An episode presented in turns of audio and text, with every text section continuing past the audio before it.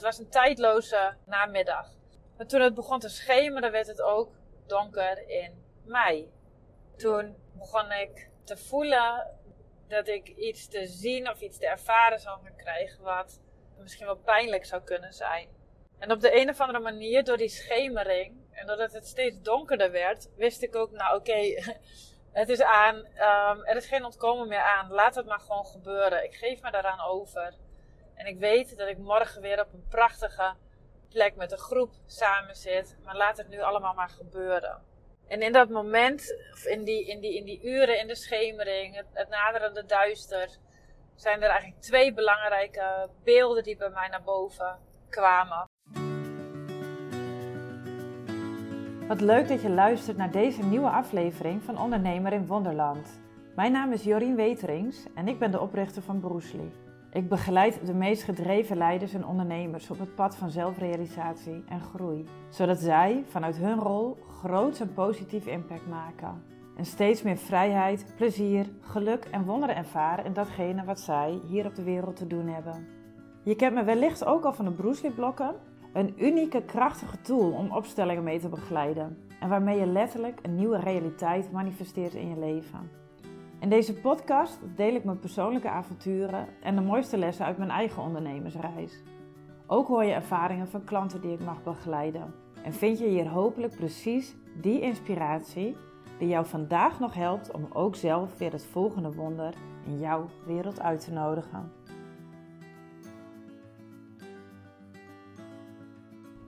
Nou, dit is een um, aflevering vandaag die ik uh, eigenlijk nooit had willen opnemen.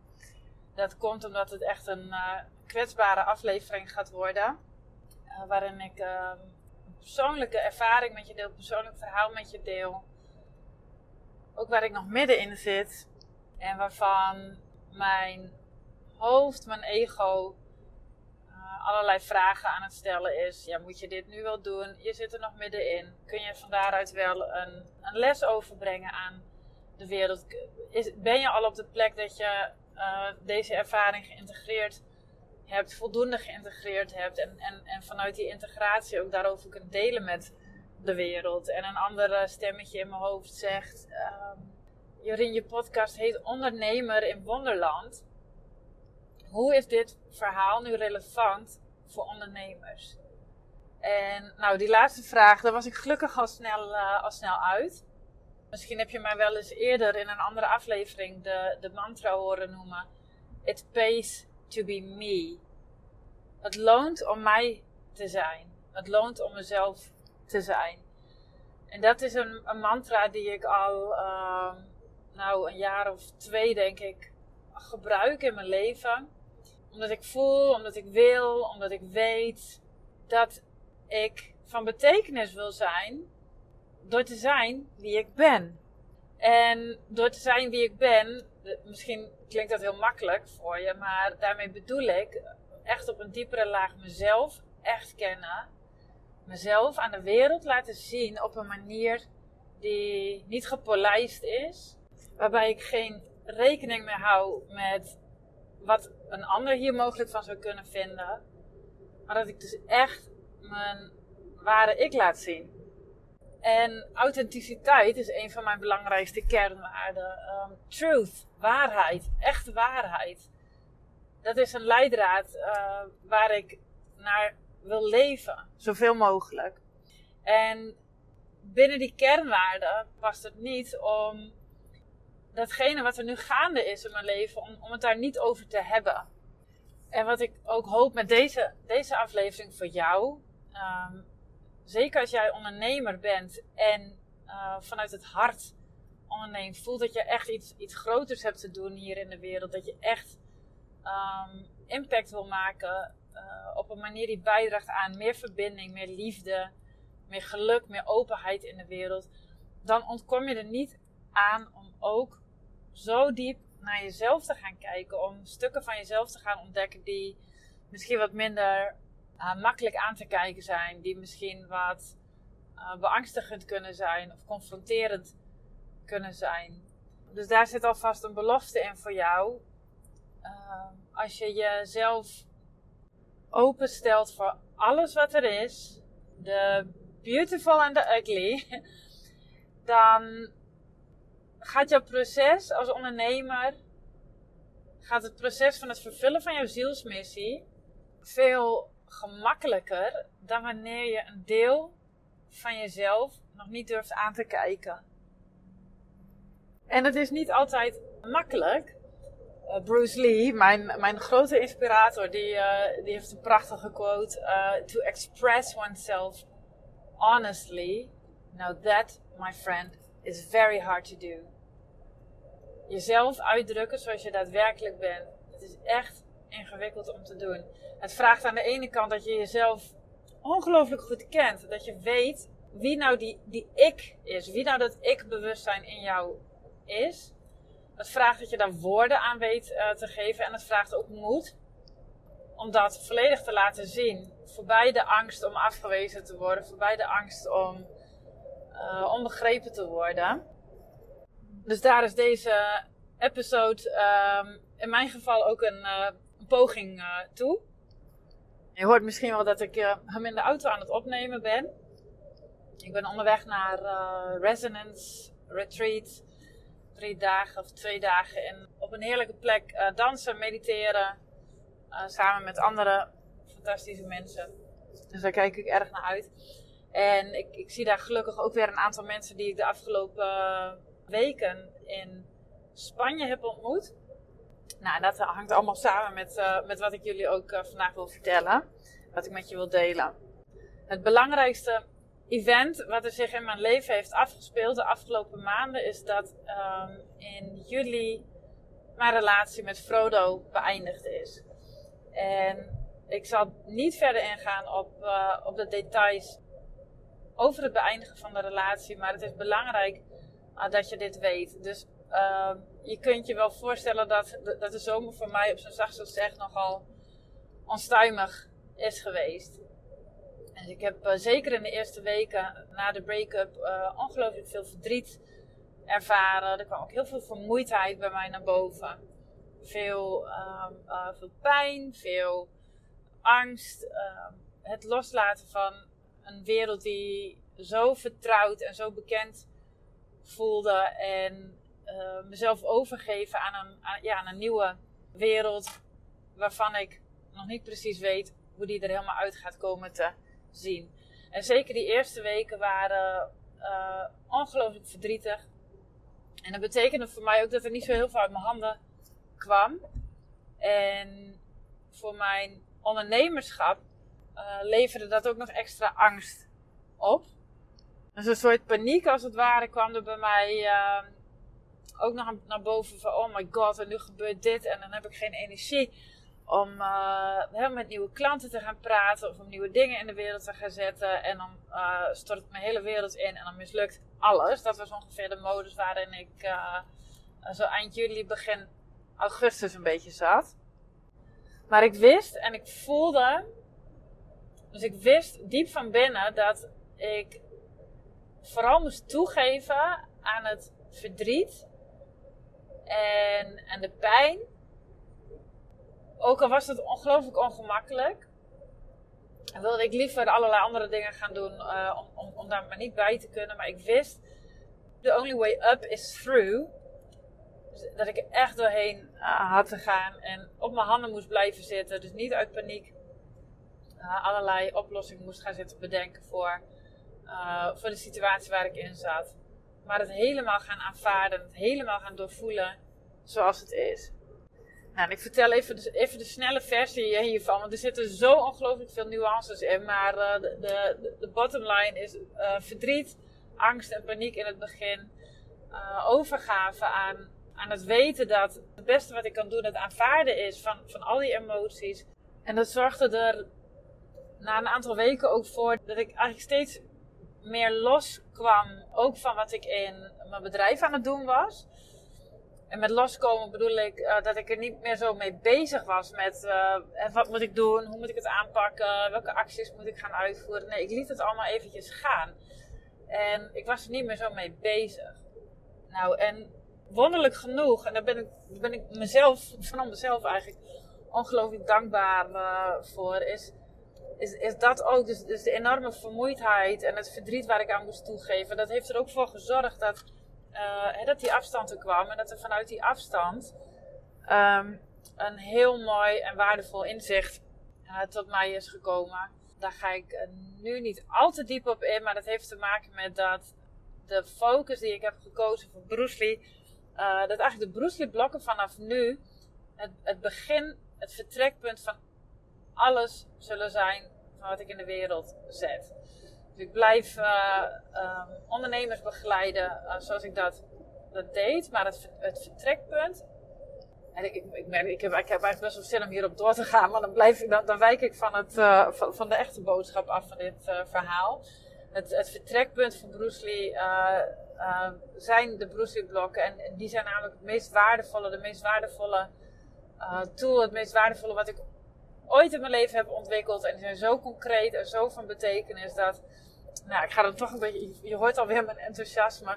Ik voel zoveel liefde voor die, uh, voor die Bruce Lee blokken. Zoveel dankbaarheid ook over het, uh, de manier waarop ze op mijn pad zijn gekomen. Dus via een visioen. En um, die hoor je in een van de eerste afleveringen van deze podcast. Die heet uh, Voor wat ben je bereid om te sterven? Nou, in mijn geval zijn dat de Bruce blokken. En uh, nou, in, in, in al mijn misery van uh, juli en augustus was dit een van de, van de diamantjes die naar boven kwam drijven. En ik heb eerlijk gezegd nog geen idee hoe dat eruit gaat zien. Um, uh, wat dat heel concreet gaat betekenen. Maar ik weet en ik voel aan alles dat dit, dat dit de weg is die ik, die ik te gaan heb. En, en dat geeft me ongelooflijk veel rust en, en vertrouwen.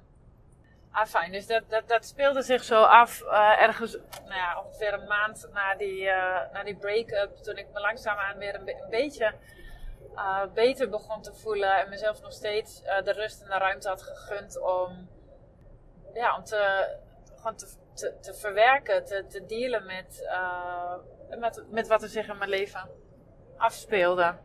En nou ben ik, ik vertelde je net al dat uh, uh, over de mensen met wie ik de afgelopen weken naar Spanje ben geweest. Nou, dat, dat, deze mensen spelen een uh, ongelooflijk belangrijke rol in mijn leven. Dat zijn de, de begeleiders en de andere deelnemers van de Origins Accelerator, waar ik dit jaar aan deelneem. We zijn nu ongeveer halverwege. Het programma van Awake Origins. En een van de terugkerende elementen van het programma is een maandelijkse accountability sessie met eh, de hele groep. En in die sessies kijken we terug op de afgelopen maand en kijken we vooruit naar de volgende maand. En dat doen we steeds aan de hand van MIP's, de Most Important Priorities. Nou, en die Most Important Priorities, die ja, laten we als het ware tot ons komen vanuit onze intuïtie. Dus het zijn geen, geen bedachte uh, doelen, uh, maar echt gevoelde doelen? Nou, en op de vraag, uh, ik kreeg al drie maanden lang als antwoord op de vraag: wat is jou voor de komende maand jouw meest, most important priority? En, en dan gaat het uh, over drie aspecten van je leven: je bedrijf, uh, je persoonlijke leven en je relaties. En voor jezelf. dus welke drie most important priorities um, uh, komen er bij jou door voor de komende maand. Nou, en, en het was bij mij al drie maanden lang, als het ging over mijn personal life en relationships, uh, was het steeds open up, open up, open up. En die MIP's die kwamen bij mij ook steeds in, uh, in omgekeerde volgorde. Dus we werden uitgenodigd telkens tijdens de accountability sessions om eerst die voor je bedrijf te voelen, te weten wat is, wat is jouw priority voor je bedrijf. En dan kwam personal uh, life en relationships en pas dan voor jezelf. En bij mij kwamen ze steeds in de omgekeerde volgorde door. Dus het was voor mij zo belangrijk om eerst goed voor mezelf te zorgen. Dan kwam bijvoorbeeld body, uh, mijn lichaam, goed voor mijn lichaam zorgen kwam door. Um, en voor mijn personal life en relationships was het dus voortdurend open up, open up. En voor mijn bedrijf, nou je raadt het misschien al, de blokken. Nou, en dat kwam dus steeds. Het is al, maandenlang dat die, die most important priorities naar boven komen. En ook die, ook die Bruce blok. En op de een of andere manier is het gewoon de hele tijd gelukt om dat een beetje te bypassen. Om daar niet helemaal in te gaan zitten. Maar door die enorme crisis die ik uh, eh, die ik in juli ervaarde, die zich in juli voltrok, werd ik zo op mezelf teruggeworpen dat ik niet anders meer kon dan gehoor geven aan deze boodschap. En ik weet inmiddels, it's all connected. Eh, misschien herken jij het als ondernemer wel dat je denkt, ja, je hebt je werk en je hebt je, je, hebt je privé. Maar op het moment dat jij dat pad van bewustzijnsontwikkeling gaat bewandelen, op het moment dat jij je volledig overgeeft aan het leven en werken vanuit een diep gevoelde zielsmissie, dan is dat onderscheid er niet meer. Dan is er geen onderscheid meer tussen, ja, misschien nog wel datgene waar jij je geld mee verdient en de rest. Maar het, heeft, het is zo nauw met elkaar verweven, dus dan ontkom je er niet meer aan om goed voor jezelf te zorgen. Uh, zodat je ook de impact die jij gaat maken met jouw business kunt dragen. Nou, dus ik uh, zit, zat, zit volop in dat, uh, in dat proces. En ik, ik, ik voel ook een enorme groei in mezelf. Nou, eind augustus, begin, nee, begin september moet ik zeggen. Afgelopen weekend was er een in het kader van die Origins Accelerator van het jaarprogramma een, uh, een retreat in Spanje. Op een prachtige plek in uh, de bergen, een beetje ten noordoosten van, nee, ten noordwesten moet ik zeggen, van Alicante. En uh, dat bleek nagenoeg exact op de plek te zijn waar ik vijf jaar geleden met mijn inmiddels ex-geliefde onze eerste vakantie heb beleefd. Dus dat was, uh, dat, dat, was enigszins confronterend. Maar wat bleek ook is dat, dat die plek, een vriendin van mij, Naomi Kloet, die ook magische dingen doet met transformational cupping. zij is ehm, nou, ruim anderhalf jaar geleden naar Spanje verhuisd met haar partner en hond. Naar een prachtige plek. En dat bleek ook vlak in de buurt te zijn van de plek waar wij met de Origins Accelerator een, een retreat hadden afgelopen weekend. Dus ik heb eh, besloten om eerst naar haar toe te gaan en daar een eh, hele fijne tijd te hebben samen.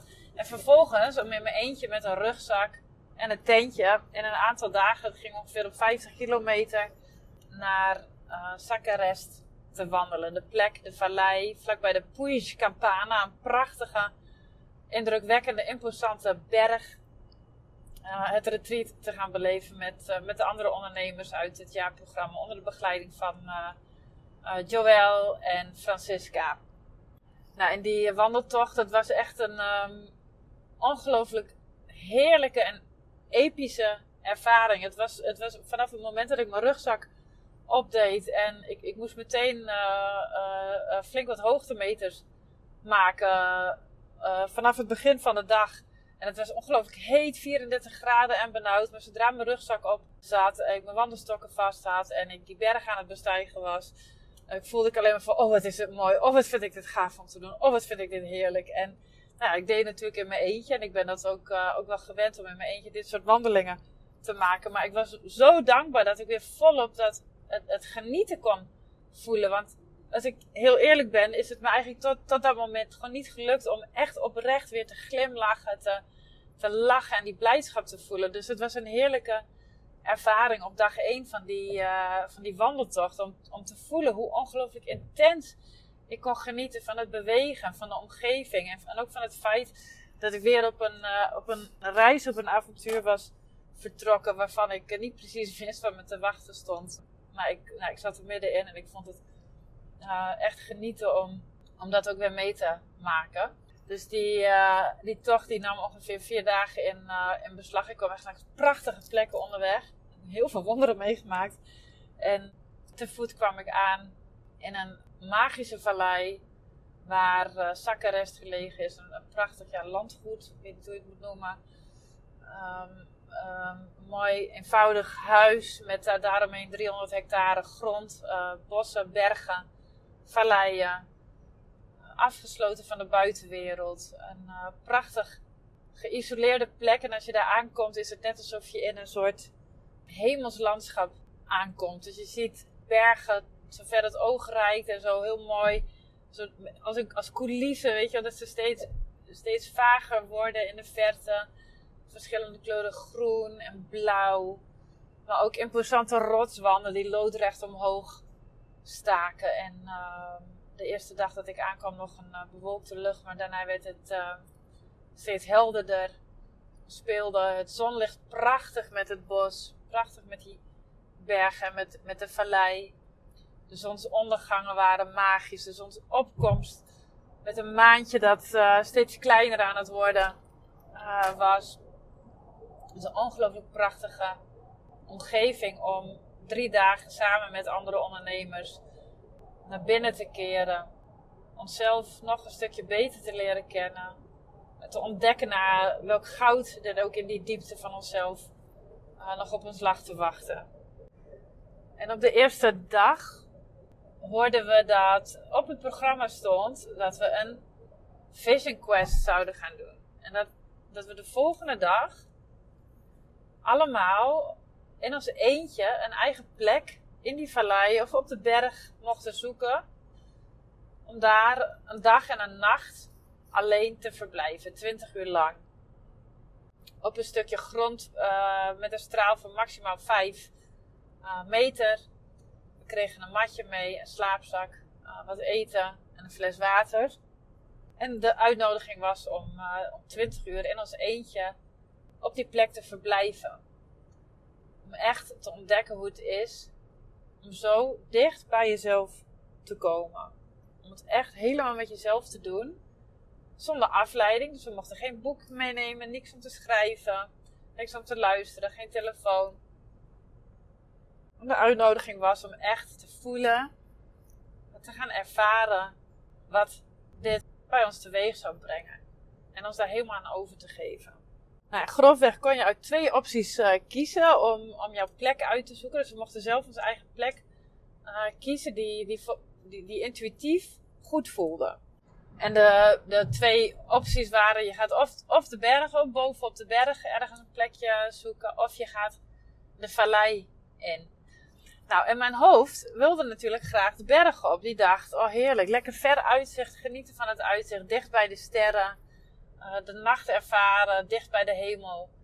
Ehm, maar mijn lichaam wist, je moet die vallei in. Je moet zo ver als je kunt afdalen, naar beneden gaan. Daar naar die plek waar het donker is, in het bos. En daar je plekje vinden. En ik wist natuurlijk met het verhaal waar ik in zit, dat die plek uh, niet per se gemakkelijk voor me zou zijn. Dat daar misschien dat daar niet per se een hele uh, lichte ervaring op me lag aan te wachten, maar wel eentje die me zou bevrijden. Die me de waarheid zou laten zien over mezelf.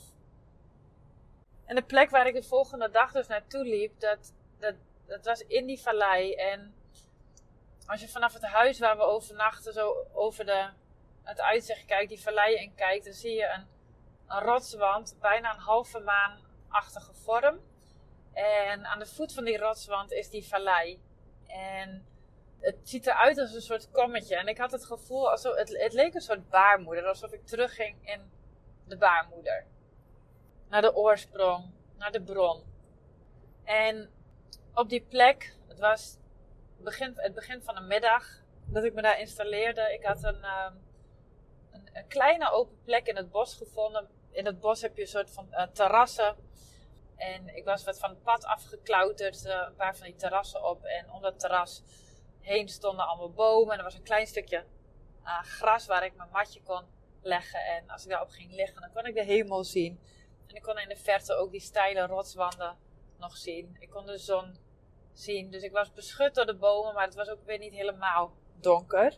En ik voelde me daar veilig. Ik voelde me op mijn gemak in de natuur. En het, het was fijn om daar te zijn. Ik voelde ook geen enkele angst. Ik, weet dat daar uh, bijvoorbeeld wilde zwijnen zijn. Uh, allerlei soorten beestjes en insectjes. Ik voelde vrij weinig uh, angst. van tevoren deden we een, een oefening. Voordat we allemaal naar onze plek trokken, deden we een oefening waarbij we onze grootste angst te benoemen. En datgene wat ons het meest vertrouwen gaf.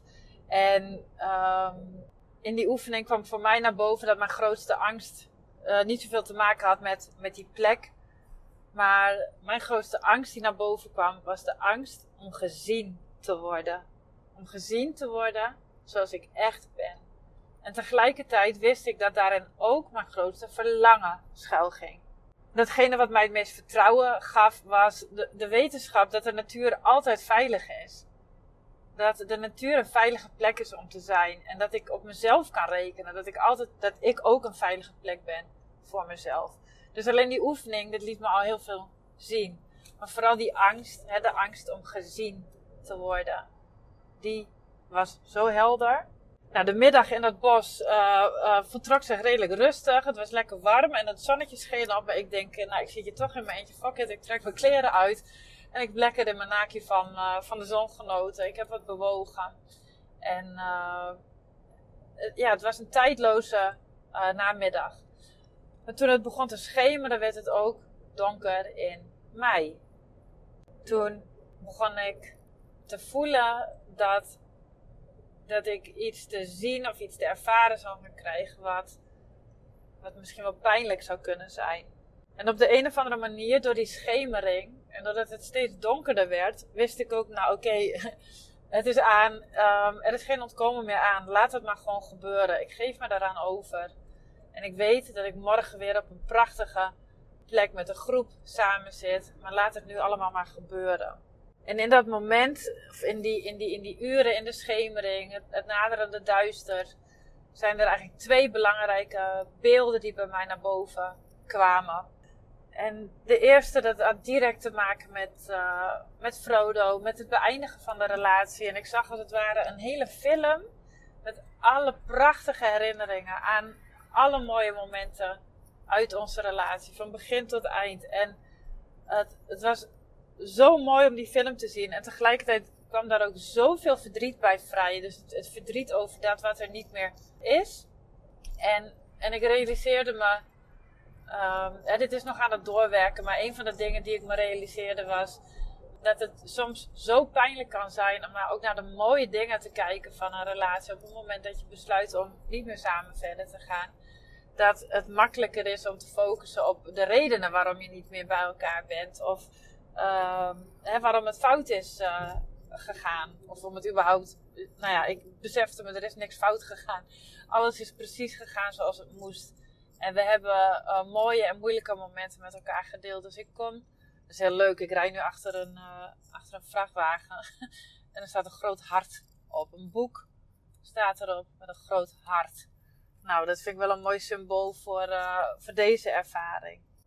En er kwam nog een ander uh, beeld naar voren van uit het prilste begin van mijn bestaan, de eerste twee weken van mijn leven, dat ik als babytje alleen in het ziekenhuis uh, heb gelegen, waar mijn moeder niet bij mocht zijn en mijn vader maar um, een paar keer per dag langs mocht komen om voeding te brengen. En op die plek, daar zo in het bos, in mijn eentje, in het duister, voelde dat ook als een hele um, ja, diepe en verdrietige herinnering. En ik voelde tegelijkertijd ook, ik lig hier nu als volwassene en ik voel me nergens veiliger dan midden in de natuur. Um, ik, ik voelde tegelijkertijd hoe veilig ik me in mijn eigen lichaam voelde. Nou, en die gewaarwording, dus om, om die ervaringen gelijkertijd te hebben, dus en te kunnen kijken naar het verdriet en de pijn, maar tegelijkertijd ook de veiligheid van het volwassen zijn uh, in mezelf te kunnen voelen. Uh, dat is iets waar ik op dit moment ook van voel dat ik daar enorm veel kracht uitput. Nou, en dan komen we een beetje bij de, bij de ontknoping of bij de, de, dat, datgene wat het me uh, gebracht heeft, dus deze ervaring. Want uh, die MIP's waar ik het net over had, hè, die open up, open up, open up. De volgende dag, en dat past ook bij die angst hè, die ik je net, die ik je net uh, vertelde, dus de angst om gezien te worden. De volgende dag kwamen we terug met de hele groep. En ieder mocht zijn ervaring uh, delen. En het voelde ongelooflijk kwetsbaar om deze ervaring met die groep te delen. En tegelijkertijd wist ik dat dit het, dit het enige was om wat ik kon doen. In volle kwetsbaarheid uh, mijn verhaal te delen. En het voelde zo goed om te doen. En ik werd gezien met mijn hele verhaal. En ik voelde dat het veilig was om gezien te worden. En dit is nu ook de hele week al aan het doorwerken. Um, ik heb nogal de neiging, en ik weet zeker dat uh, de meeste van jullie die dit luisteren hetzelfde hebben. Ik heb de neiging om, uh, als het niet zo goed met me gaat, om eventjes, uh, ja, om me dan maar terug te trekken. En om niet uit te reiken naar anderen. Of vanuit het idee, ik wil een ander niet belasten met mijn ellende. Of ik wil niet te veel ruimte innemen. En deze week gebeurde het echt op bizarre momenten. Uh, dus een moment dat ik ongelooflijk veel verdriet voelde en dacht: Oh, ik heb zo'n behoefte om even met iemand hierover te praten. Nou, een half jaar geleden zou ik nooit uh, de telefoon gepakt hebben. En dat was trouwens nu ook niet nodig, maar wat er van de week gebeurde, precies op het moment dat ik dit dacht. Ik heb zo'n behoefte om even mijn ei kwijt te kunnen. Belde Marijke, een hele dierbare vriendin van mij. En ik moest meteen huilen. Ze stond binnen een minuut bij mij op de stoep. We hebben een kwartier geknuffeld, gehuild. Ook weer heel veel gelachen. En uh, en er was een verbinding. En zo komen er de hele week al cadeautjes op mijn pad. Ik ben uitgenodigd voor een prachtbruiloft in, uh, in Barcelona. Um, ik ben uitgenodigd op het uh, retreat waar ik nu naartoe ga om bij iemand in de jurt te slapen in plaats van mijn eigen tentje. Dus er komen allerlei grote en kleine cadeautjes op mijn pad deze week. En ik voel aan alles dat het komt doordat ik mezelf laat zien. Met the beautiful and the ugly, de, de, light and the dark, met alles erop en eraan. De hele Jorien.